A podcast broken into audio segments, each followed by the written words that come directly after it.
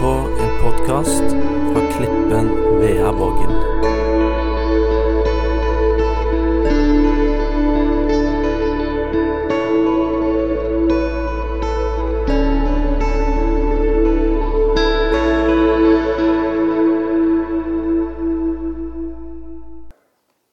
Perspektiv. Perspektiv. Det er en litt sånn eh, snodig greie, er det ikke det? For perspektiv, det bestemmer utgangspunktet for hvordan vi ser og opplever ting. Sant?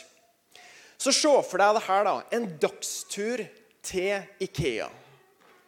Hele dagen på Ikea Forus for noen mennesker så er det liksom Yes! Så kan vi se på alle de nye møblene de har fått inn, og så kan vi se på gardinene, og så kan vi se på, på alle tingene. Og så fins det kanskje noen få, kanskje noen ektemenn her, som er litt sånn Altså, kjøttbollene, de er OK.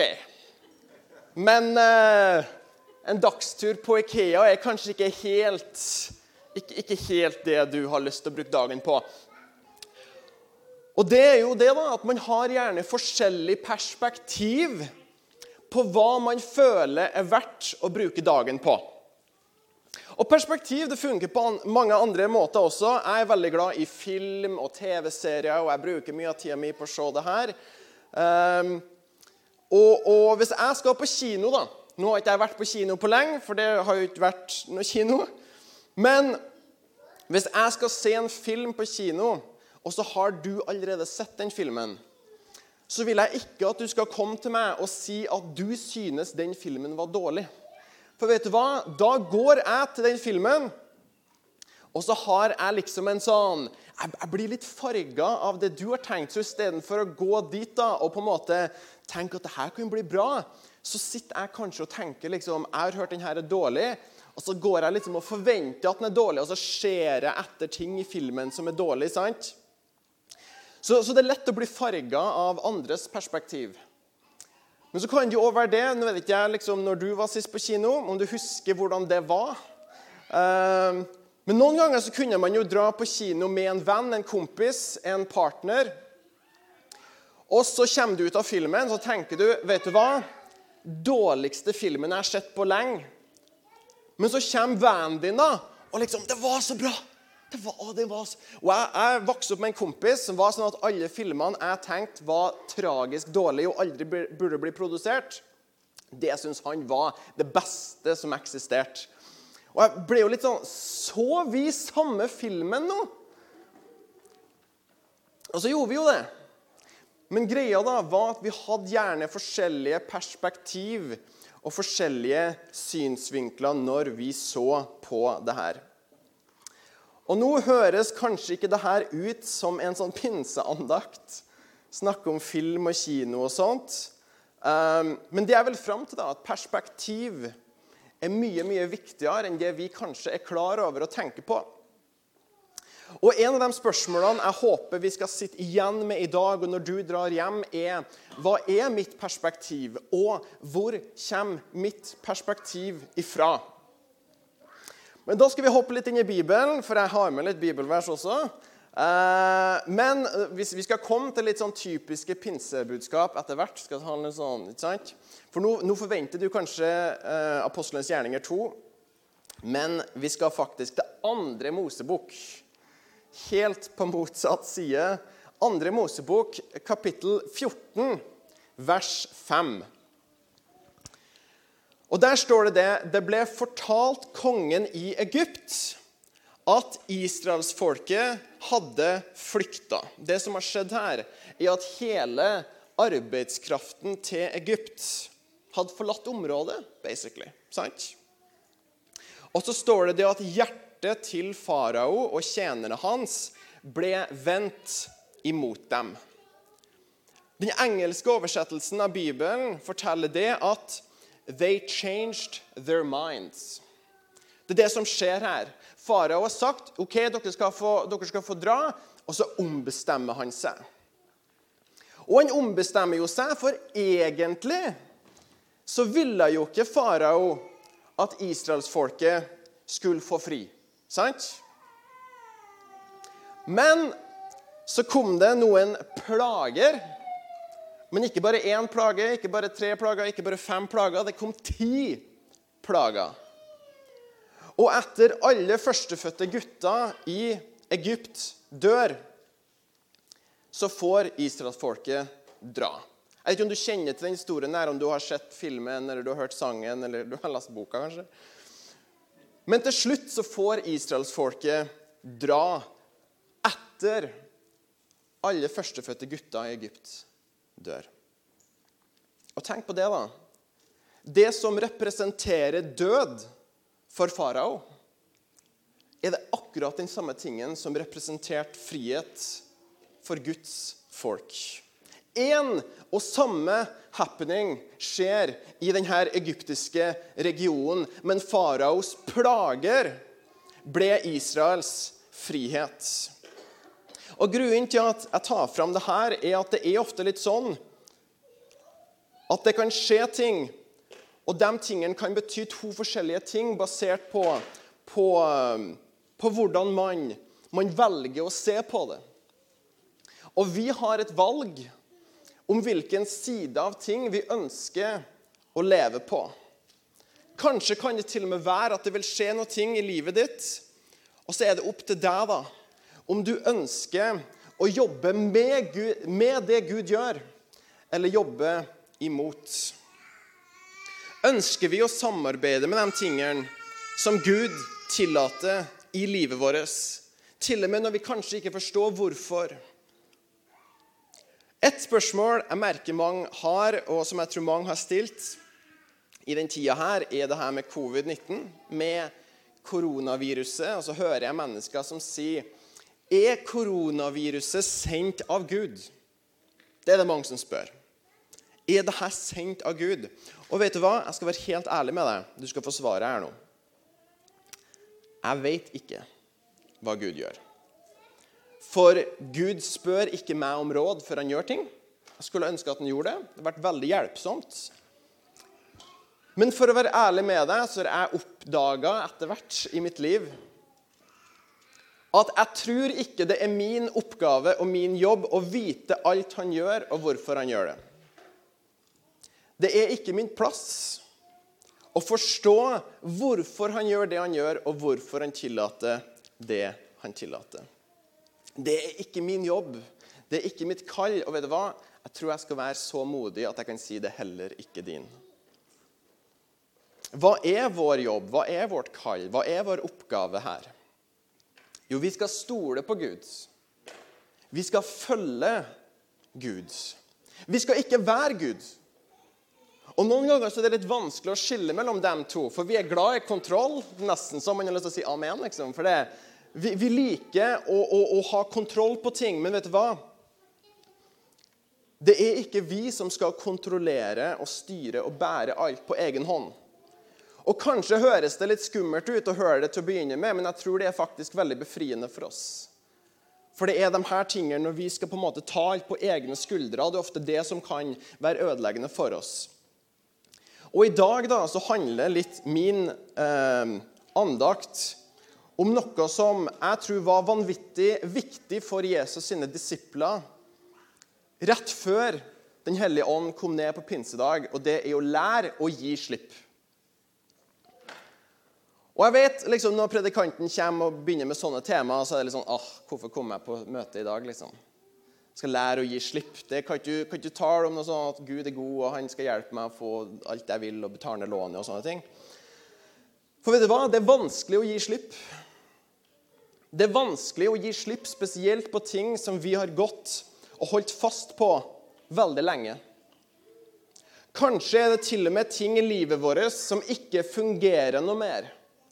Det er ting i livet som har mista sin hensikt og kanskje til og med jobber imot deg, men det kan fremdeles være vanskelig å gi slipp på det fordi vi er så vant til det. Og så tror jeg det at vi er nødt til å lære oss å gi slipp. Jeg tror vi må lære det fordi det er ikke så normalt for oss å gjøre det. Ofte så tenker vi at, eh, at det er kanskje ting som, som virker normalt. Men så er det ikke normalt. Det er bare det at det alltid har vært sånn. Det kan være at, eh, at i vårt hode så er noe vanlig. Men det betyr ikke at det er det som er normalt. Bare fordi vi er vant til noe, betyr ikke nødvendigvis at det er det som er rett. Men jeg skal gi deg en god del bibelvers, så du på en måte eh, stoler på meg her. Men hebreerbrevet, da, og det blir litt sånn, vi hopper mye fram og tilbake. Først til vi andre Mosebok, og så skal vi helt tilbake til brevbrevet. Hvis du sitter med en sånn gammeldags bibelbok nå, så blir det veldig mye blading. Eh, hvis du har bibelappen på mobil, så kan du jo bare gjøre det litt kjappere. Men vi skal til hebreerbrevet. Og eh, hebreerbrevet forteller oss i kapittel 10 at pga. det Jesus har gjort, så har Jesus åpna en ny vei for oss å leve på. Og det er, det er, nesten som man kan si halleluja til. Det nesten. For det er ganske positivt. Det Jesus gjorde for oss på korset, det som ble åpna for oss når grava hans åpna Det som skjedde når han farte opp til himmelen og sendte Den hellige ånd ned til oss, det at vi har fått en ny måte å leve livet på. Og vi har blitt gitt en ny måte å gjøre ting på. Men og Derfor sa vi hoppet så mye fram og tilbake. Men romerbrevet, derimot, sier at den nye måten å leve på i og ved Jesus handler om liv hvor vi er noe som Bibelen kaller levende offer. Og du, Man blir litt svett når predikanten begynner å snakke om offer. Da, da er det liksom Å ja, vi, det er et sånn type møte, liksom. Det høres veldig skummelt ut. For hvordan funker det da, hvis noe skal bli ofra?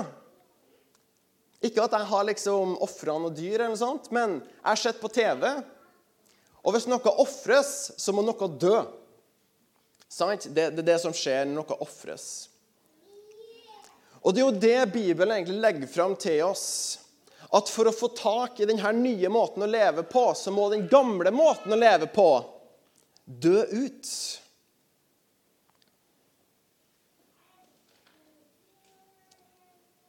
Noen gang så må noe dø ut for at noe nytt skal få komme inn. Noen ganger så kan det som ser ut som død, faktisk bety frihet. Jeg vet ikke Hvis du tenker gjennom alt som har skjedd i Bibelen, om det er noen plasser i Bibelen hvor det som så ut som død, så ut som frihet. Påske. Bare sånn tilfelle du Det er tidlig, vet du. Og Det er det Paulus snakker om i romerbrevet. og Her kommer de versene jeg ønsker å se litt på. Men i Romerne 12, i vers 1 og 2, så gir Paulus oss en veldig viktig lærdom i det her med å gi slipp. Og han sier det at hvis du skal holde på på den gamle måten å gjøre ting på Hvis du skal på en måte fortsette Og jeg vet jo ikke hva det betyr for deg. Det får jo bli mellom deg og Gud. Når du på en måte skal hjem etterpå, du skal reflektere og på en måte la Gud få tale til ditt hjerte. Så det er jo ikke på en måte min jobb å vite hva det her er for deg. Det får jo bli opp til deg.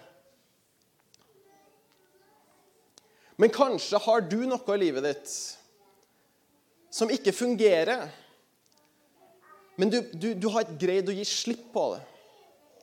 Kanskje er det gamle vaner som henger igjen av en tid før man ble frelst. Kanskje er det ting som vet, vet funka veldig bra ti år siden. Men pga. at livet har forskjellige sesonger og livet har forskjellige perioder, så nå så holder det deg faktisk litt tilbake. Kanskje er det ting som ikke fungerer noe mer. Du vet, hjem hos eh, Når jeg var, var, yngre Jeg er jo fremdeles ung, da, 28 år, så det er ikke så galt. Men når jeg bodde hjemme hos min mor, så i det første huset vi hadde, så, så hang det ei klokke på veggen hjemme hos henne. Som eh, mamma hadde kjøpt i Amerika eller sånt, og hadde tatt med seg hjem. og som på en måte hang på veggen. Men så lenge jeg har levd, så har den klokka aldri fungert. Den klokka var alltid tre. Det klokka var tre på den. Og den, eh, den hang på veggen der. I alle mine år når jeg bodde der. Og vi kunne jo egentlig ha tatt den klokka ned, for vet du hva? Og kanskje vet ikke du at du skal gi deg en liten sånn eh, gratis en, men ei klokke den skal vise tida. sant? Det er liksom jobben til ei klokke. Ei klokke skal vise korrekt tid. Ei klokke skal ikke vise at alle eh, timer er klokka tre, liksom. Det er det ei klokke skal gjøre. Men denne klokka gjorde ikke det den skulle gjøre. Men vi lot den bare henge der. Fordi nei, den har nå alltid hunget der, da. Det ser da fin ut der, den. Og så ble det sånn da, at den, den klokka der, den bare hang på den veggen. Og bare liksom gjorde ikke det den skulle gjøre. Stedet, vi kunne ha brukt fem minutter på å ta den ned og enten fikse den eller bytte den ut. Men det var liksom Nei, da må vi jo gjøre noe. Så liksom, altså, Anna klokke kommer ikke til å se like bra ut. og liksom, nei, Vi bare lot den henge. Det var lettere å bare la ting være som det alltid har vært. For det har alltid vært sånn. Og Noen ganger så er jo det at jeg tenker vi som bor i Norge, og som har det egentlig ganske greit Vi er litt sånn som kan skape oss rutiner av at nei, det har nå alltid vært sånn, så hvorfor skal vi endre på noe av det? Men det som kan skje, da, er at kanskje så kommer Gud med noe nytt. Sant? Han har sagt det. Se, jeg gjør noe nytt. Det er Guds ord, det. Kanskje kommer Gud med en ny velsignelse til ditt liv. Noe fantastisk. Noe forvandlende. Men når vi er så vant til å bare gjøre det samme år etter år etter år Samme gamle, samme vi er vant til, samme vi er vant til så tror jeg det at noe nytt ifra Gud kan virke skummelt eller plagsomt fordi det bryter med komfortsona vår. Jeg sier mye ubehagelige ting. Jeg beklager. Det er ikke sikkert at jeg blir invitert tilbake her. Jeg takker deg, Kenneth, for at det siste møtet mitt på Klippen. Men vet du hva? Jeg sier ikke det her for å være slem. Jeg sier det fordi jeg merker det i mitt eget liv. Jeg liker komfort. Jeg liker at ting skjer akkurat som jeg vil ha det. Men så er det jo det da, at kanskje går jeg glipp da, av de nye tingene Gud ønsker å gi inn i livet mitt.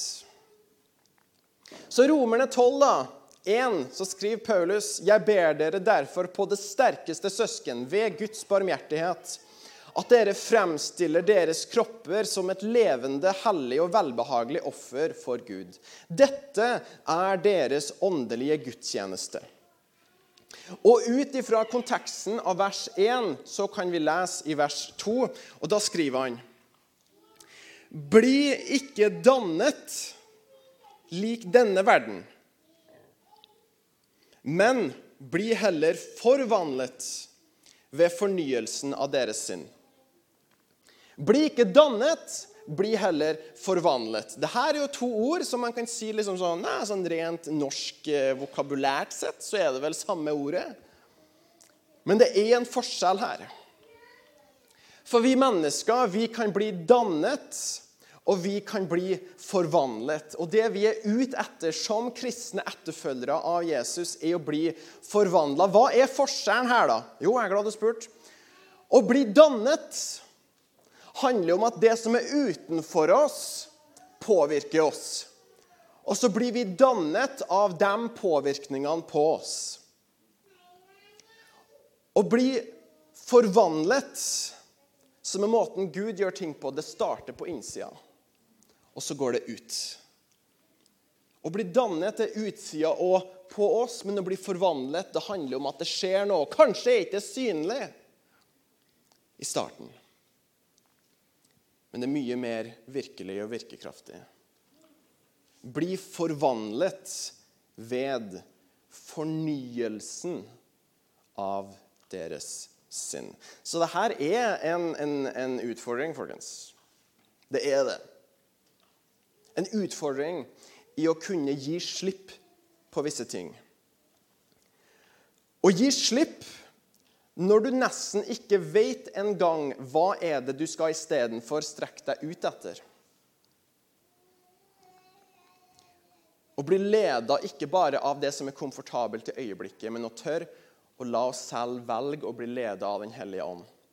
Du vet det, Jeg skal gi deg et godt eksempel her. Jeg synes det er et veldig godt eksempel. Hvis du hadde spurt meg om å gi slipp på økologisk quinoaris for å istedenfor få taco Det er den største amenen jeg har. liksom. Ja takk! For vet du hva? Jeg vet at det jeg får istedenfor, liker jeg så mye bedre. Altså, Det er ingenting galt med økologisk quinoaris. Jeg er nødt til å si det siden kona mi sitter her. Men, men taco er så mye bedre for meg. Så det er, det er, lett å gi slipp når jeg vet at det jeg får istedenfor, er bedre. Men enn om det jeg gir slipp på, og så skal jeg istedenfor få noe, men så vet jeg ikke hva jeg får enn om jeg gir slipp på noe for å istedenfor få noe som er et mysterium. Det er da det begynner å bli skummelt. Og det er da vi går vekk ifra på en måte det vi kjenner til, og over i tro. Da er det plutselig et steg av tro. At vi tar dette steget ikke fordi vi vet det er taco, men fordi vi vet. Allikevel, om vi ikke vet hva det er, så vet vi at det er en Gud som vi har tillit til, og som vi har sett har vært trofast før, og som vi nå velger, til tross for at vi ikke ser det, vi velger å ha tro til at han vil være trofast igjen. Men det kan være vanskelig, og jeg har merka det at en vond fortid kan fremdeles virke mer behagelig enn en ukjent fremtid. Jeg sier det en gang til. En vond fortid kan fremdeles virke mer behagelig for våre komfortsoner enn en ukjent framtid. Ja, kanskje var den fortiden vond, kanskje var den traumatisk, men vi er vant til den. Du vet hva du får.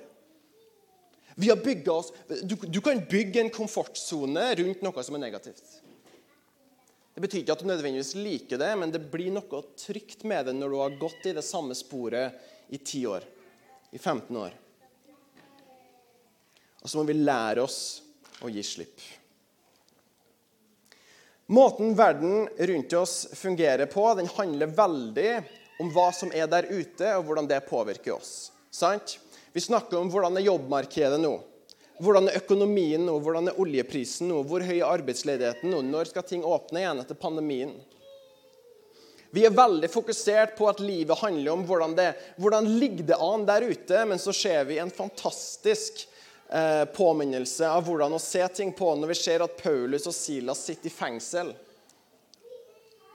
I en liten celle, en trang og vond situasjon. Og hva det de gjør? De som har en god grunn til å sitte og klage over hvor dårlig maten er i fengselet her, og lukta fra cella ved siden av Vi vet ikke hva han holder på med. Vi vil ikke vite engang. Det lukter så vondt her at det bare Istedenfor sitter de og lovpriser Gud. Ikke fordi fengsel liksom Yay! Men fordi de vet at det, det, det er ikke så veldig viktig hva som skjer der ute, for jeg vet hva som skjer her inne. Jeg vet hva det er jeg bærer på, og jeg vet at det jeg bærer på, det er sterkere og det er større enn det som skjer der ute. I vår svakhet så er hans styrke fullendt. Der møter den oss. Og i de mest ubehagelige og mørkeste situasjonene av vårt liv, der er det kanskje viktigst at vi velger å tilbe Gud. Men så har vi da vårt gamle tankesett. Og, og vi liker det som vanligvis funka før, eller vi liker ting som det alltid har vært. Og så tror jeg at Gud ønsker at vi skal avlære noen ting. Legge vekk måten verden fungerer på. Kanskje legge vekk ting som har fungert før. Og at du skal legge vekk på det her, ikke fordi det var verdiløst. For det er ikke det jeg sier. Det er mange ting vi bærer med oss som vi må gi slipp på. Det var ikke at det var verdiløst, men det handler om at nå er det en ny tid. Og Gud har noe nytt for deg. Om du er 15, om du er 50, Om du er 95, så har Gud noe nytt for deg og for ditt liv. Og han ønsker at du skal gi slipp, ikke fordi han vil at du skal ha mindre, for han ønsker at du skal få oppleve mer. Mer av hvem han er, mer av hva han har å gi. Å gi slipp så noe bedre kan få lov til å ta plassen i ditt liv og ditt hjerte. Og Noen ganger så må vi gi slipp, ikke fordi det vi bærer på, er så tungt for oss, men det handler om måten vi holder tak i det. Vi, vi, vi, vi holder så hardt i visse ting, for vi elsker kontroll. Kontroll det er liksom sånn Jeg liker kontroll nesten mer enn kaffe, og jeg elsker kaffe. Jeg elsker kontroll, og jeg hater når jeg ikke har kontroll.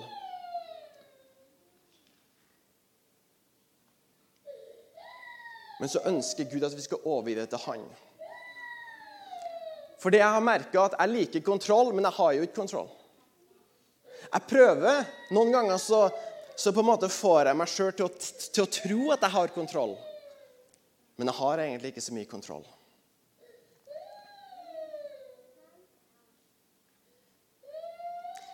Guds egen ånd er i ditt indre. Det er ikke bare jeg som sier det, det er Bibelen. Den, den, den kraft som reiste Jesus fra døden, den bor i deg som tror på Han. Det, det, det er powerful stuff, folkens. Det, det er sterke saker. Du har fått en ny natur ved Den hellige ånd. Jeg tror at vi nå må lære oss å skape noen nye normaler. Du har fått et nytt hjerte, men vi må kanskje begynne å lære oss selv å skape noen nye vaner og bli kvitt noen gamle. For vet du hva? Nå skal jeg fortelle deg noe som jeg tror er viktig å vite. Du kan være frelst, men fremdeles bære gamle vaner fra ditt gamle, kall det kjødelige liv. For vet du hva? Det å, det, å bli, det å, tro på Jesus og bli frelst, da er du, du er frelst. Og han tar bolig i deg. Og, du går ifra død til liv der. Men du kan fremdeles bære med deg væremåter og vaner ifra ditt gamle liv. Det er ikke alltid at det forsvinner med en gang. Og Derfor så handler etterfølgelsen om Jesus, fornyelsen av sinnet, om at hver dag så prøver vi å legge vekk det gamle, og så strekker vi oss ut etter det nye istedenfor. Og så blir vi fornya. Når Bibelen bruker ordet 'fornya', så bruker den ordet metamorfose, som er samme uttrykket som brukes når en larve blir til en sommerfugl. Det skjer ikke sånn. For jeg har sett på Animal Planet, og jeg vet det ikke skjer sånn. Det tar tid. Det er forandring over tid, og ofte så glemmer vi det at vet du hva, Gud bruker tid noen gang på å forandre oss. Men å skulle gi slipp på noe vi er vant til, det er ikke lett. For vi liker det vi har god kjennskap til. sant? Hver eneste gang jeg og kona mi er å spise i Haugesund, på Il Forno, som er en veldig fin italiensk restaurant, så spiser jeg det samme hver eneste gang. Siden jeg flytta hit, så har jeg bare spist den samme pastaretten hver eneste gang. De har sikkert med annen god mat, men jeg, jeg, jeg, vet hvordan den smaker. Og jeg syns den smaker godt, så hvorfor skulle jeg gjøre noe annet når jeg vet hva jeg liker? Jeg tror vi kan bli litt sånn og jeg tror vi kan ta med oss den mentaliteten inn i vårt kristne liv. Og vi ber Gud gjør noe nytt! Bare sørg for at det ser ut som det forrige du gjorde. Gud, vi ber om vekkelse. Bare sørg for at det ser ut som den forrige vekkelsen eh, som var før. Gjør noe nytt, men gjør det på samme måten. Er vi ofte blitt litt sånn. Men så er det jo Gud, da. Når han gjør noe nytt, så vil det ofte være helt nytt. Det er liksom det, det som er greia med nytt. Det er nytt. Og Gud vil ofte møte oss der vi minst venter Han er på en måte vi minst forventer.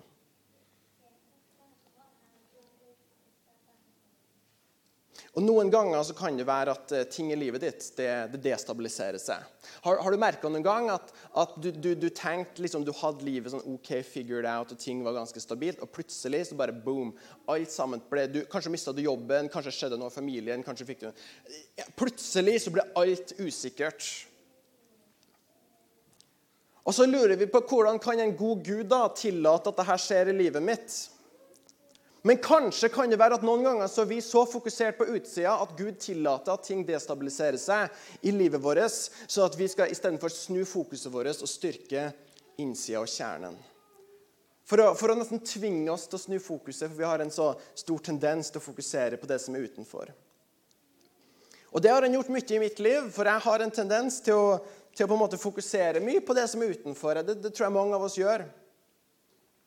Og nå så lærer Gud meg i mitt liv også å gi slipp. Og Det er det det handler litt om. Å gi slipp. Og kanskje sitte og tenke litt fremdeles hva skal jeg gi slipp på, da, Alex? Ikke slipp liksom, bilrattet når du er på fylkesvei 47. Det må du ikke slippe det, liksom. Men kanskje må vi lære oss å gi slipp på vårt behov for å skal forstå alt som skjer. Kanskje må vi gi slipp på behovet for kontroll. Kanskje må vi gi slipp på å alltid skulle vite hva morgendagen bringer, eller gi slipp på behovet om at vi alltid skal gjenleve fortida.